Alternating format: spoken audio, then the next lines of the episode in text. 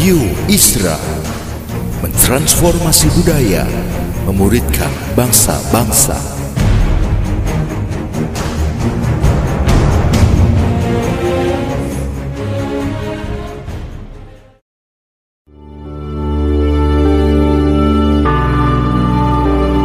Apostolic Prophetic Messages mengungkapkan pesan dan arahan dari hati Tuhan bagi gerejanya demi menuntaskan mandat kerajaan Allah di Indonesia dan bangsa-bangsa. Selamat mendengarkan.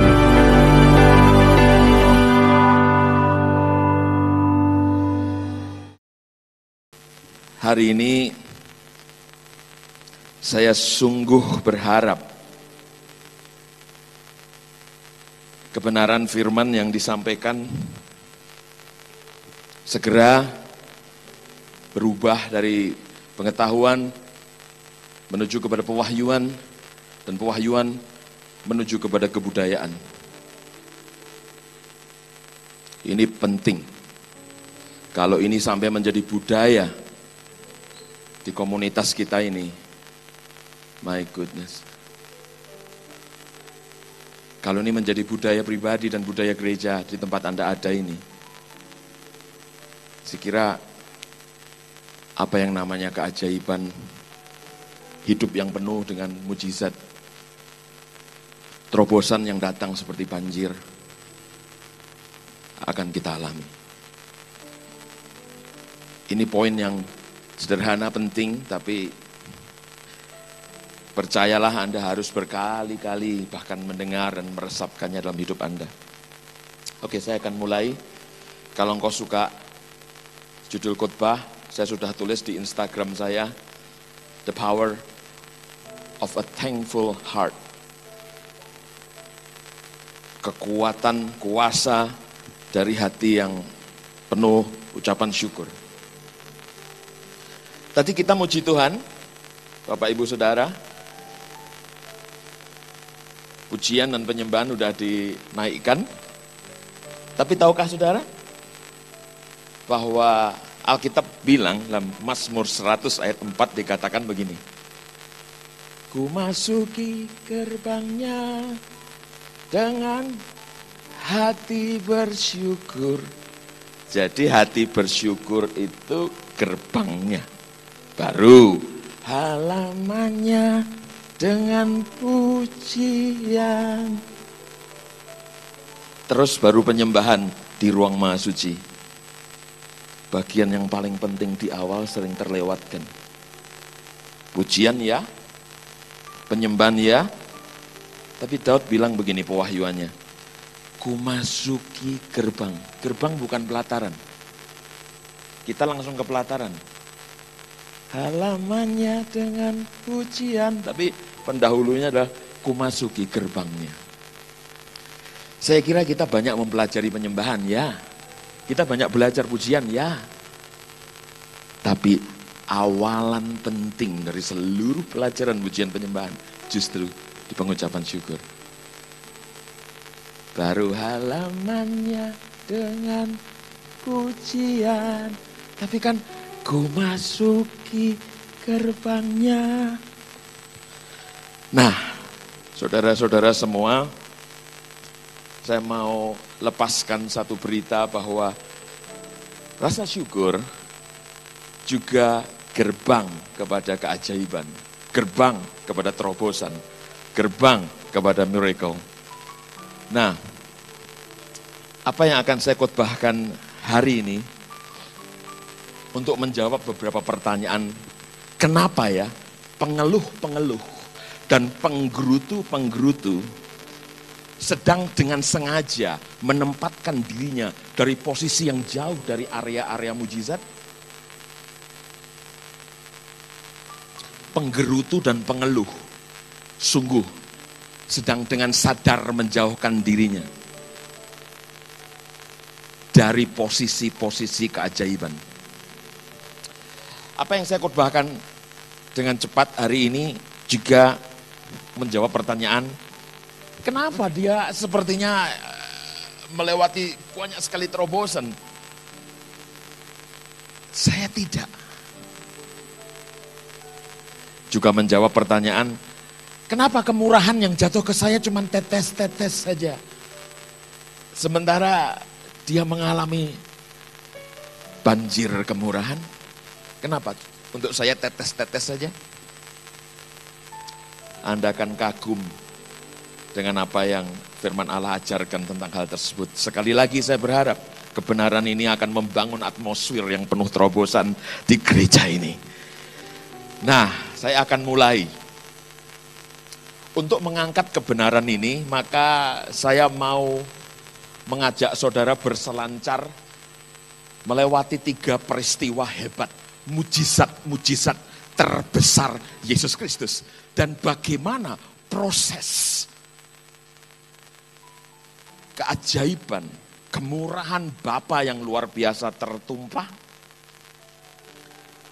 Dan kemudian setelah kita menyoroti tiga peristiwa cerita pelayanan Yesus yang terhebat ini, maka saya berharap pagi hari ini kita bisa menarik benang merah atas ketiga cerita yang fenomenal ini. Dan Anda akan kagum bahwa tiga cerita terhebat pelayanan Yesus Kristus ternyata memiliki sebuah benang merah, trigger, pemicu dan pemacunya itu justru tema yang saya katakan pada hari ini a thankful heart. Anda justru Anda justru melihat kesederhanaan, terpicunya keajaiban dalam seluruh pelayanan Yesus Kristus dan dan Anda bisa memasuki dan menelusuri perjalanan yang sama di hari-harimu dan pelayananmu. Nah, saya mau soroti tiga mujizat terbesar yang biasanya anak-anak sekolah minggu tahu banget. Tapi tahukah Anda kebenaran di balik tiga peristiwa terbesar pelayanan Yesus Kristus? Ada benang merah dari ketiga kebenaran dan cerita itu. Yang pertama, cerita pertama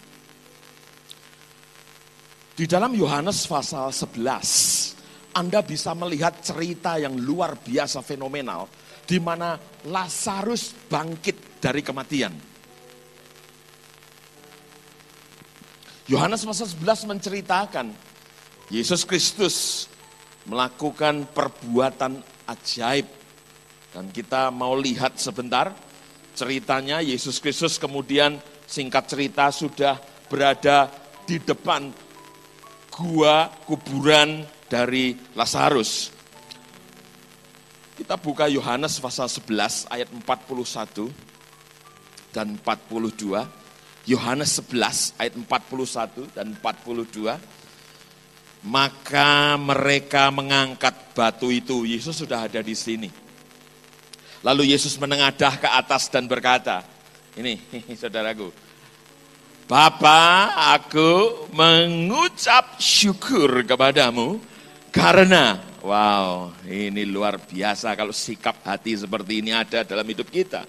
Aku mengucap syukur karena engkau telah mendengarkan aku.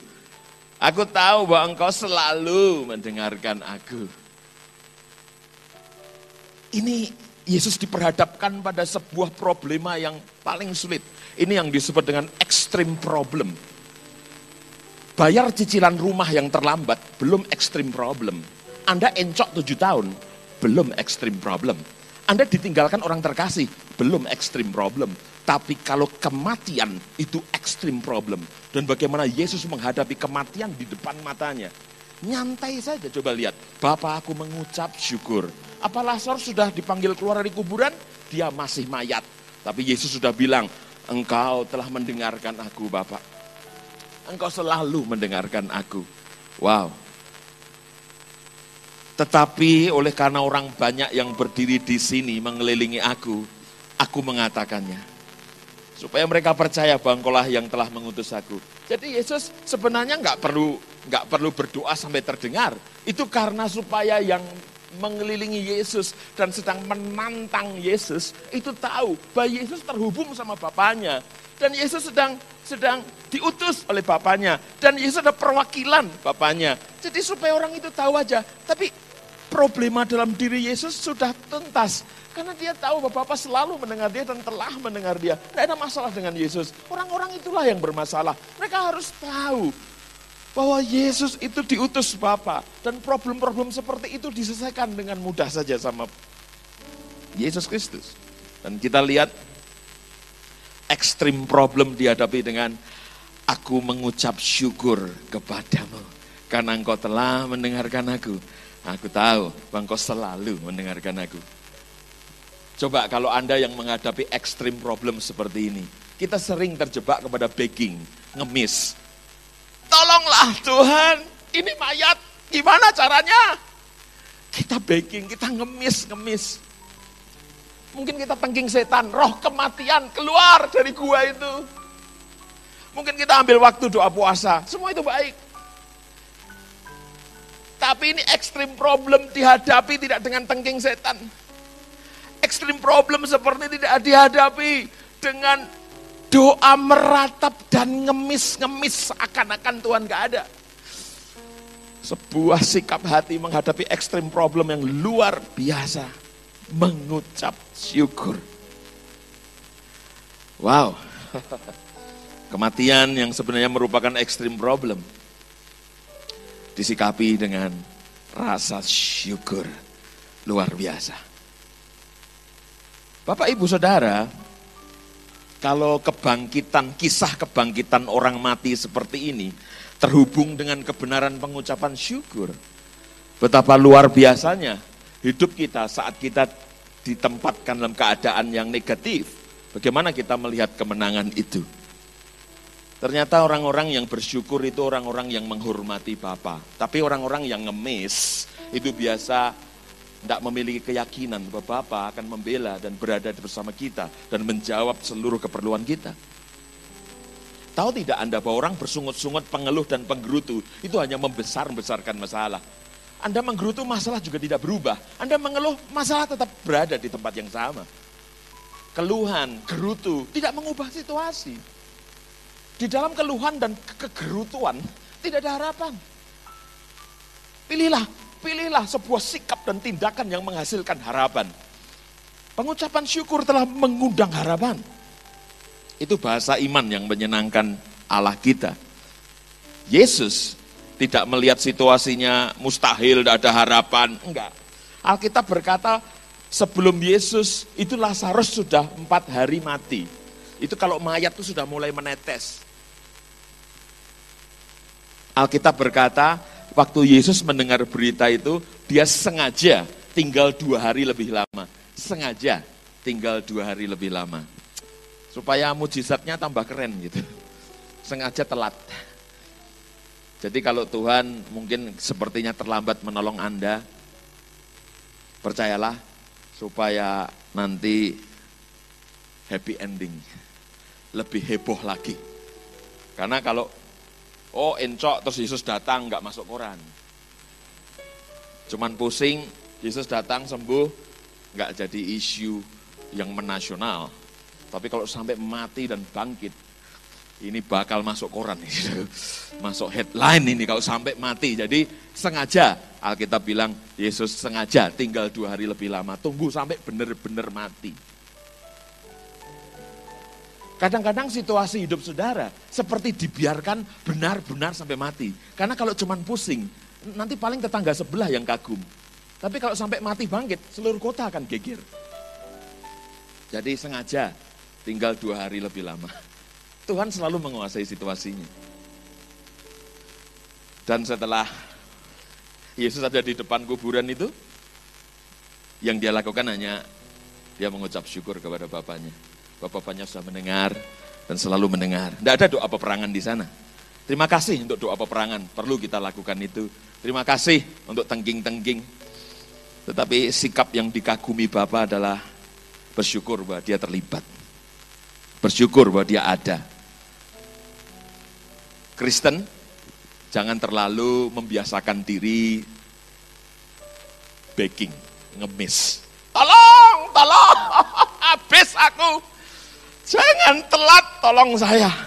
Anda berdoa, menangis, dan mengeluh. Tapi sikap hati itu semua keluar dari sikap hati yang tidak mempercayai bahwa Tuhan ada. Dan dia memberi upah kepada orang yang sungguh-sungguh mencari dia.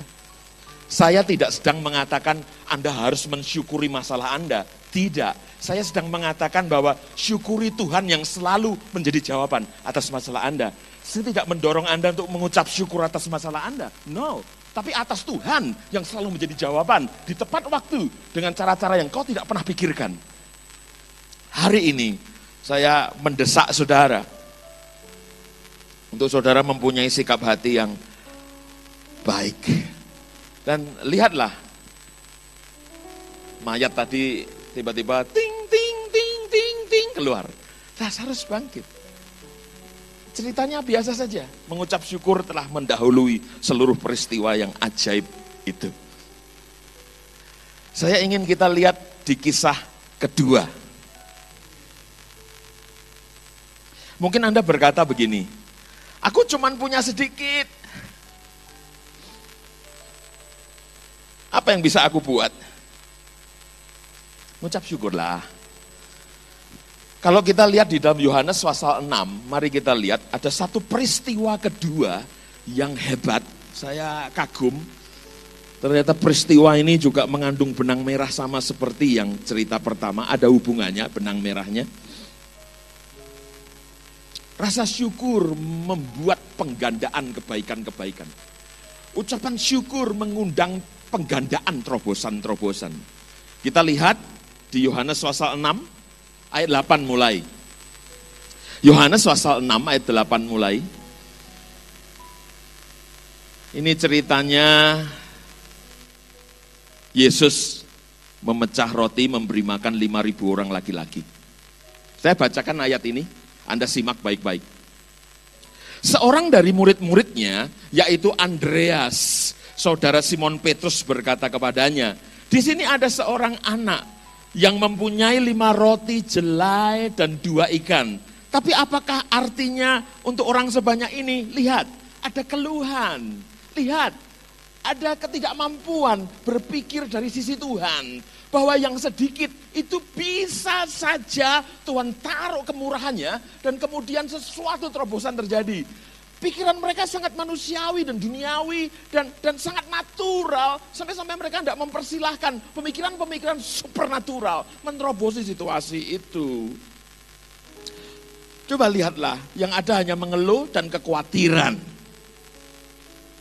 Ayat 10. Kata Yesus, suruhlah orang-orang itu duduk. 5000 orang laki-laki itu. Adapun di tempat itu banyak rumput. Ini bukan supaya mereka merumput loh. 5000 laki-laki diberitahu, lapar ya, lapar ya.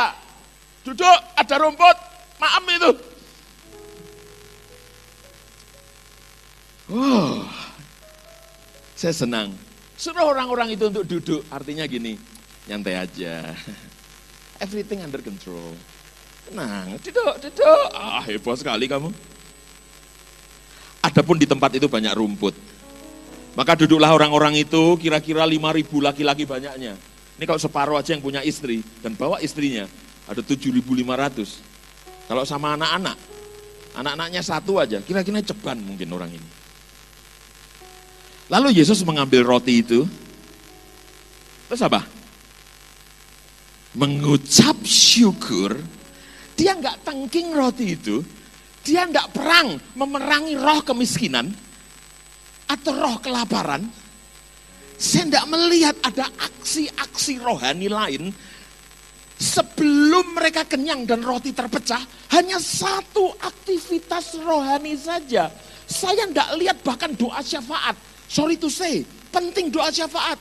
Kita akan belajar nanti di tema doa syafaat di waktu-waktu yang akan datang. Saya akan bagikan itu. Tetapi dalam situasi yang luar biasa di mana 5.000 orang laki-laki sedang kelaparan dan butuh makan. Tidak ada doa syafaat, tidak ada doa mengemis, tidak ada minta tolong menjerit kepada sorga. Tidak ada tengking setan, tidak ada peperangan rohani, tidak ada pujian penyembahan. Di mana ini? Wow, lalu Yesus mengambil roti itu, mengucap syukur. Itu satu-satunya aktivitas rohani yang dipilih Yesus menghadapi ekstrim problem yang kedua. Tadi di ekstrim problem yang pertama namanya kematian. Yesus juga menghadapi dengan sama. Mengucap syukur kepada Bapaknya. Sekarang ekstrim problem yang kedua. 5.000 orang laki-laki sedang kelaparan belum makan. Dihadapi dengan mengucap syukur saja. Saya hanya mau memberitahu bahwa di peristiwa-peristiwa yang tersulit, peristiwa-peristiwa yang paling menekan, justru tidak ada upaya-upaya yang seserius yang kita bayangkan. Yang paling mengerikan, yang disebut extreme problem, cuman dihadapi dengan begini. Thank God. Wow.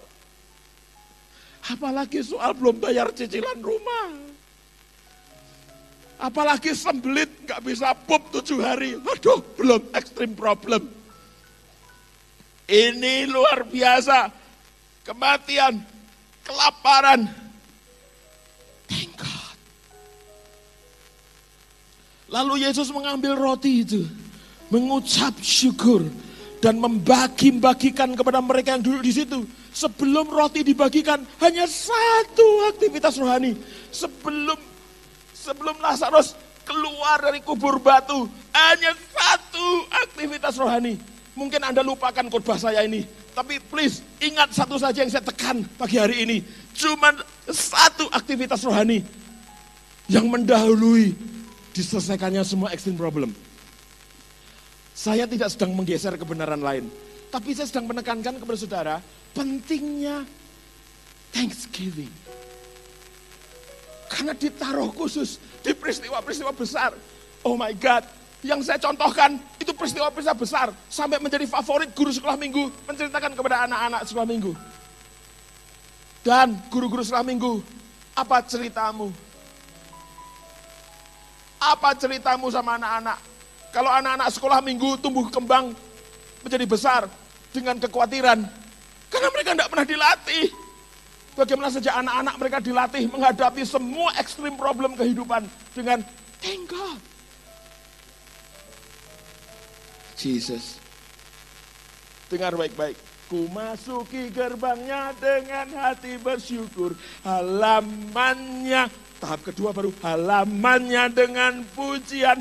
Saya, saya mau kasih tahu sama saudara, Anda tidak akan pernah kesulitan memuji Tuhan dan menyembah Tuhan saat Anda berhasil mengucap syukur kepada Tuhan. Itu awalan dari seluruh penyembahan dan pujian. Daud tahu itu. Bagaimana seorang pengeluh menyembah. Bagaimana penggerutu menjadi pemuji. Oh, hanya orang-orang yang lihai mengucap syukur. Itu tidak ada masalah dengan PW, praise and worship. Tidak ada masalah. Selalu thank God. Memberikan kemuliaan, kebesaran bagi nama Tuhan. Dalam peristiwa se ekstrim apa pun. Lihat, lalu Yesus mengambil roti itu mengucap syukur dan membagi-bagikannya kepada mereka yang duduk di situ. Mereka nggak makan rumput kan? Akhirnya mereka makan roti. Haleluya. Mungkin Anda datang kebaktian hari ini, Anda berpikir besok Senin Anda sudah mulai makan rumput. No. Sikap hati Anda itu yang perlu diputar. Dan kemudian harapan akan jatuh. Anda akan tiba di pusat-pusat titik-titik keajaiban. Kalau Anda menghormati Tuhan dengan ucapan syukur pengeluh-pengeluh sedang mempertimbangkan bahwa Tuhan tidak ada.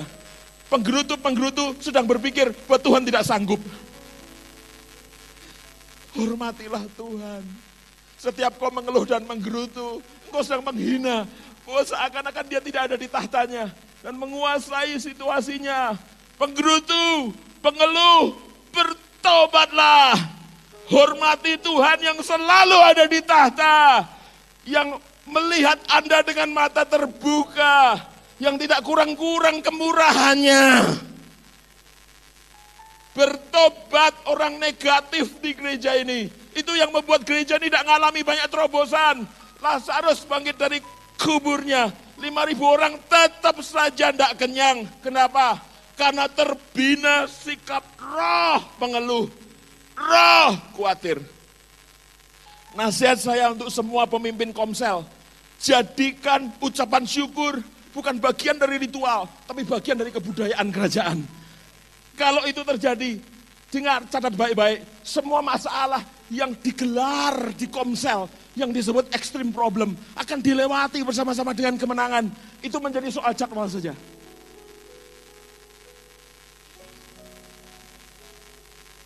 Yang luar biasa ayat ini bilang begini, Lalu Yesus mengambil roti itu mengucap syukur bagi bagiannya kepada mereka yang duduk di situ. Demikian juga dibuatnya dengan ikan-ikan itu. Koma, sebanyak yang mereka kehendaki. Minta ampun. Sebanyak yang mereka kehendaki. Tahu tidak? Bagi orang-orang yang bisa mengucap syukur dan tidak gampang mengeluh. Sering sekali sesuatu berkat yang datang kepada Anda dalam bentuk kemurahan dan terobosan. Seringkali sebanyak yang kau kehendaki. Kita sering ber- berkata begini, Oi, jadilah kehendakmu, datanglah kerajaanmu, your will be done. Tapi untuk orang yang mengucap syukur, Tuhan bilang begini, your will be done. Sebanyak yang kau kehendaki. Orang yang gampang bilang, Tuhan jadilah kehendakmu. Maka Tuhan akan menjawab, ya jadilah kehendakmu juga. Kita bilang, sebanyak yang mereka kehendaki.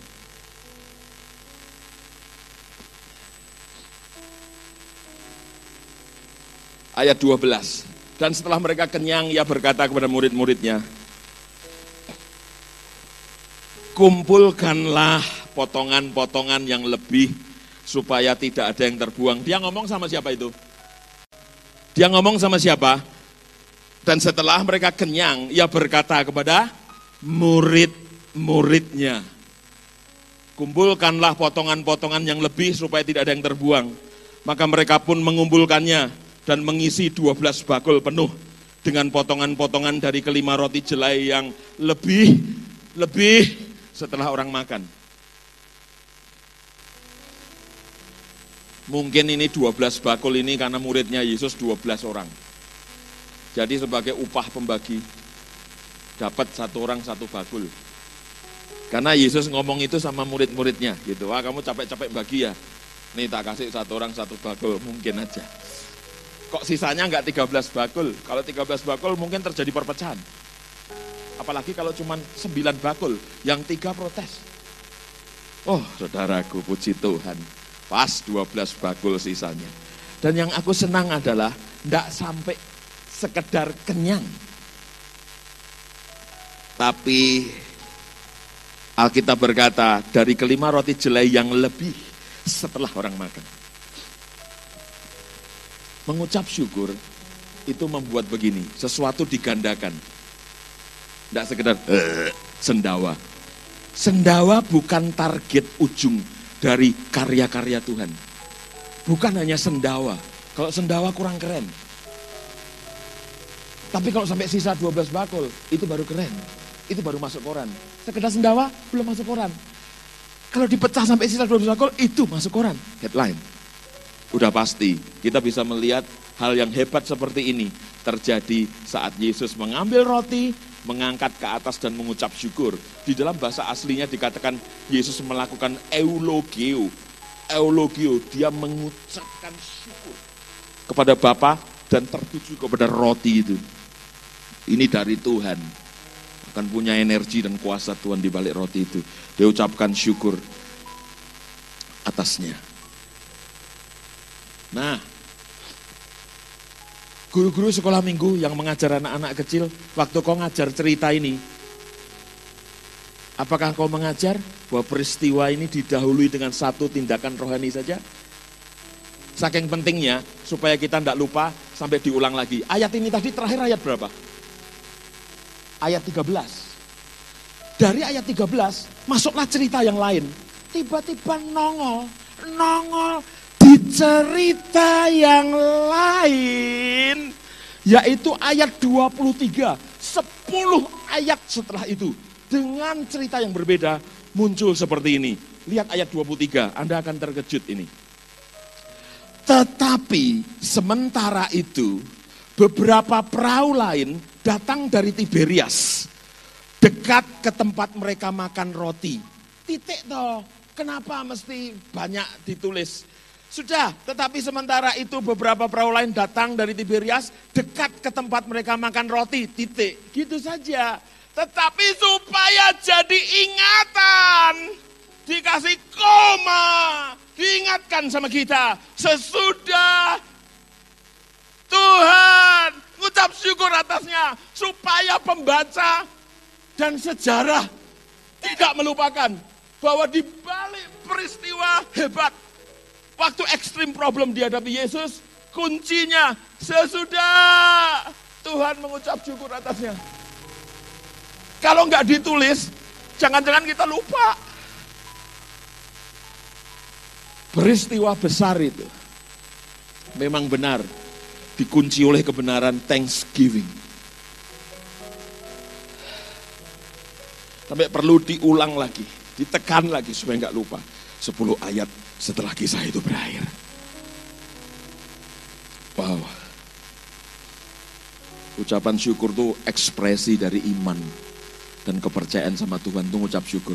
Pengeluh itu seperti tidak mempercayai Tuhan.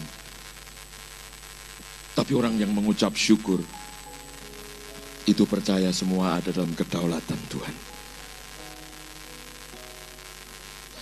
Saya mau masuk ke peristiwa ketiga. Enggak kalah heboh, problemnya ekstrim. Ini untuk menjawab begini. Mujizat itu terjadi pada orang lain, kok tidak terjadi padaku ya? Kenapa? Jangan-jangan ini masalahnya. Mari kita lihat kisah ketiga dan semakin jelas kita tarik benang merah di antara peristiwa-peristiwa yang berbeda ini.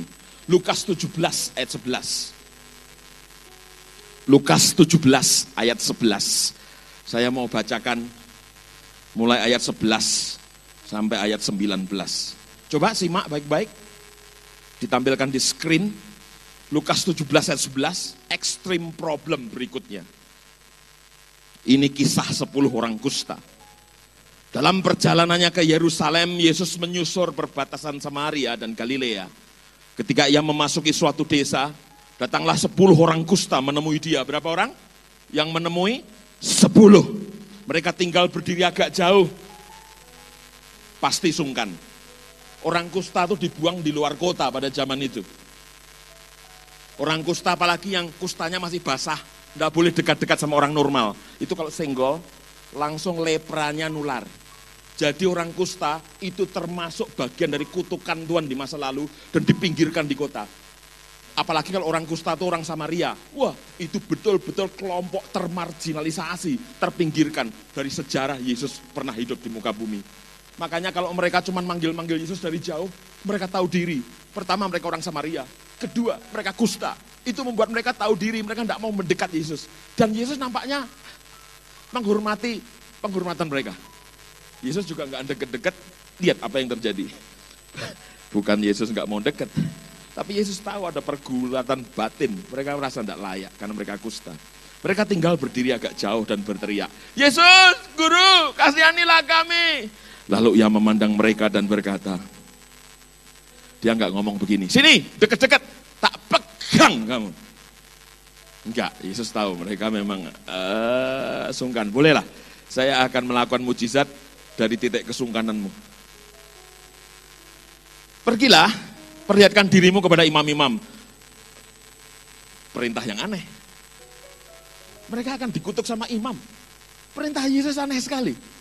Ini perintah, waduh, penuh kepastian dan keberanian. Dan sementara mereka di tengah jalan, mereka menjadi tahir. Baru jalan, ya orang kusta itu kalau tahir, bersih, clean, itu mereka berasa, aku sembuh. Berasa, kusta kering. Orang kusta itu protol satu-satu jarinya, dari kaki juga protol. Sendi-sendi kena semua. Tetap protol. Cuman tahir, nggak meluas sakit kustanya. Mereka bersih.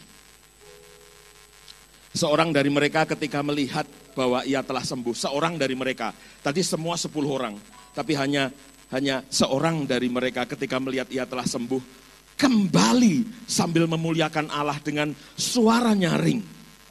Lalu tersungkur di depan kaki Yesus dan baca sama-sama, mengucap syukur kepadanya Orang itu adalah orang Samaria. Wah ditekankan lagi nih, orang Samaria itu tidak berhak menerima pembelaan Tuhan. Tetapi lihat, orang ini ngucap syukur. Hanya itu. Ayat 17, Lalu Yesus berkata, bukankah ke sepuluh orang tadi semuanya telah menjadi tahir? Di manakah yang sembilan orang itu?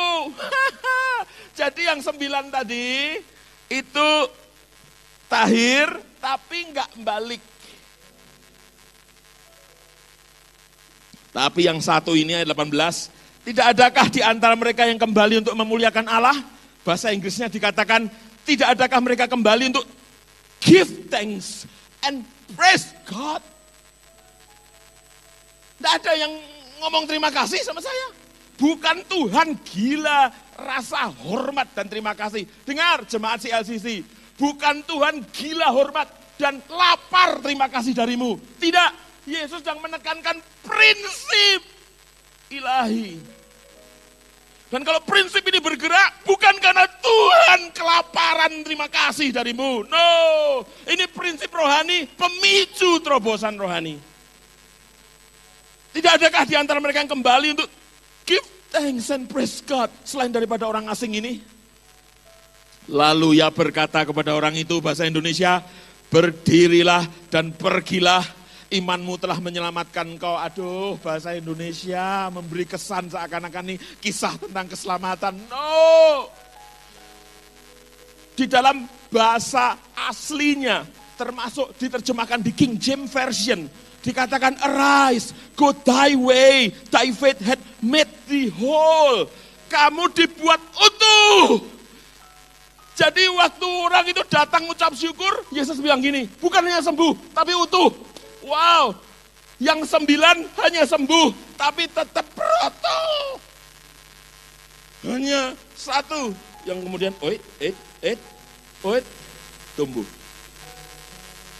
Hal ini Anda bisa maknai kalau Anda mungkin datang ke KKR-KKR-nya Guillermo Maldonado yang sekarang lagi hebat di Brasil. Juga misalnya pembicara-pembicara Amerika Utara yang sekarang dipakai dalam mujizat penciptaan, bukan kesembuhan lagi. Bill Johnson misalnya. Sekarang ini tangan yang potol itu, protol bisa tumbuh sekarang di seluruh dunia, Tuhan sudah bergerak dari kesembuhan kepada penciptaan. Bola mata yang plastik ditumpang tangan, bola mata baru. Sekarang di seluruh pinggiran sungai Amazon, itu tiap bulan dilatih 500 hamba Tuhan baru, penyelesai-penyelesai ekstrim problem. Mereka bergerak dalam mujizat bukan kesembuhan, tapi penciptaan. Sejak lahir, kakinya panjang sebelah, itu biasa cerita di sekarang di Amerika Latin, itu panjangnya kaki bisa ditarik menjadi panjangnya sama. Gigi yang ompong datang ke baktian, gigi utuh. Sekarang yang lagi heboh terjadi orang botak, ada harapan. Pulang ke baktian, gondrong. Anda lihat videonya enggak? Nggak lihat, coba lihat videonya, Anda akan kagum. Sampai di KKR-KKR itu disediakan dokter-dokter, tim dokter untuk mengevaluasi apa yang sedang terjadi. Jadi orang-orang didaftar, waktu masuk dan pulang orang yang sama. Mengalami perubahan seperti misalnya gundul, rambut baru tumbuh, atau gigi ompong, tumbuh gigi baru dan sebagainya dan sebagainya. Hal menjadikan sembuh kepada utuh bagi Tuhan itu biasa saja. Bagi kita aja yang menganggap itu hal yang mustahil. Tapi Anda lihat, si orang kusta yang satu tadi mengucap syukur, maka dia mengalami tidak hanya uh, sendawa, tapi sisa 12 bakul. Tidak ada sembuh, tidak hanya sembuh, tapi utuh. Bagaimana dari sembuh menjadi utuh? Hanya satu aktivitas yang terpantau oleh kita bersama di peristiwa itu, yaitu thanksgiving. Ketika hati Anda penuh ucapan syukur kepada Allah, maka Anda memposisikan diri Anda sendiri untuk penyediaan dan pertolongan yang lebih besar. Percayalah. Fokuslah kepada siapa dia dan apa yang bisa dia buat. Bukan fokus kepada besarnya masalahmu. Kalau kita lihat di tiga kisah ini, semua ekstrim problem dilewati dengan satu hal, Thanksgiving. Nah, Saudara-saudara, mengucap syukur atas apa pun yang sedang terjadi dalam hidup Anda, itu sebetulnya mengucap syukur itu tanda begini, bahwa Anda setuju dengan apa yang Allah lakukan dan katakan. Sering kita memberontak. Kita berdoa untuk disingkirkannya masalah, tidak ada masalah itu. Tetapi sudahkah Anda mengucap syukur untuk semua yang diizinkan terjadi? Pengucapan syukur bukan sekedar tindakan luar ucapan bibir, amen. Tapi sebuah sikap mental dan keadaan hati. Ucapan syukur itu sikap mental dan keadaan hati, bukan hanya ucapan bibir yang melengkapi ritual ibadah kita.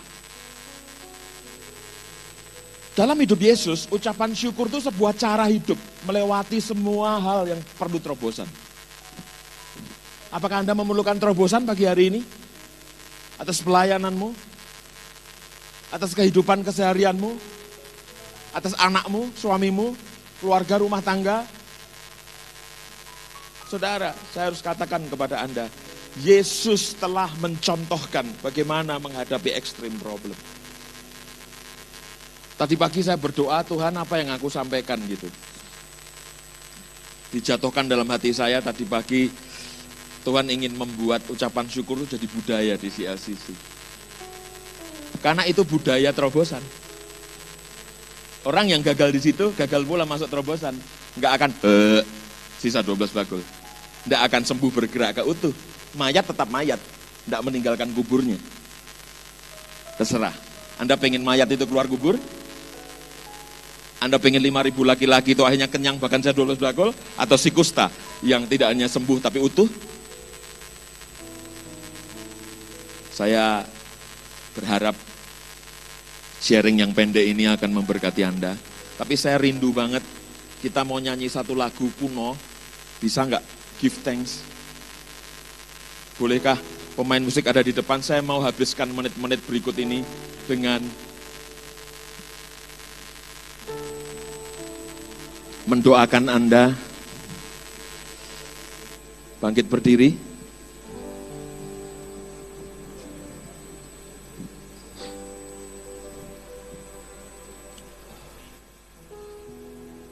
Saya ingin menghabiskan menit-menit di depan ini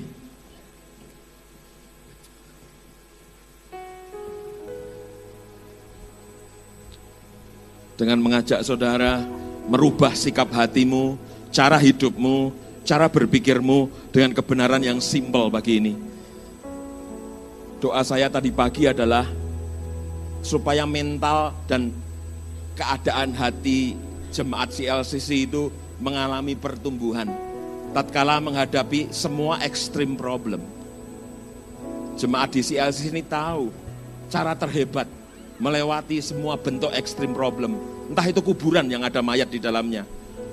Entah itu kelaparan seperti tidak ada harapan dan penuh kemustahilan. Ataukah itu sebuah keadaan yang baru sembuh dan belum utuh Tadi pagi saya berdoa, Tuhan, kembangkan Thanksgiving di CLCC menjadi budaya baru. Satu sikap roh dan sikap hati yang tepat, yang memposisikan kita di tempat-tempat keajaiban. Percayalah, penggerutu-penggerutu tidak melihat banyak perubahan. Percayalah, pengeluh-pengeluh tidak akan disamperi terobosan. Percayalah, keadaanmu tetap sama saat kau mengeluh. Percayalah, keadaanmu tidak berubah saat kau menggerutu. Percayalah. Kalau disuruh pilih sama-sama, menggerutu dan mengucap syukur sama-sama tidak merubah keadaan, demi sehat jiwamu, pilihlah mengucap syukur daripada menggerutu.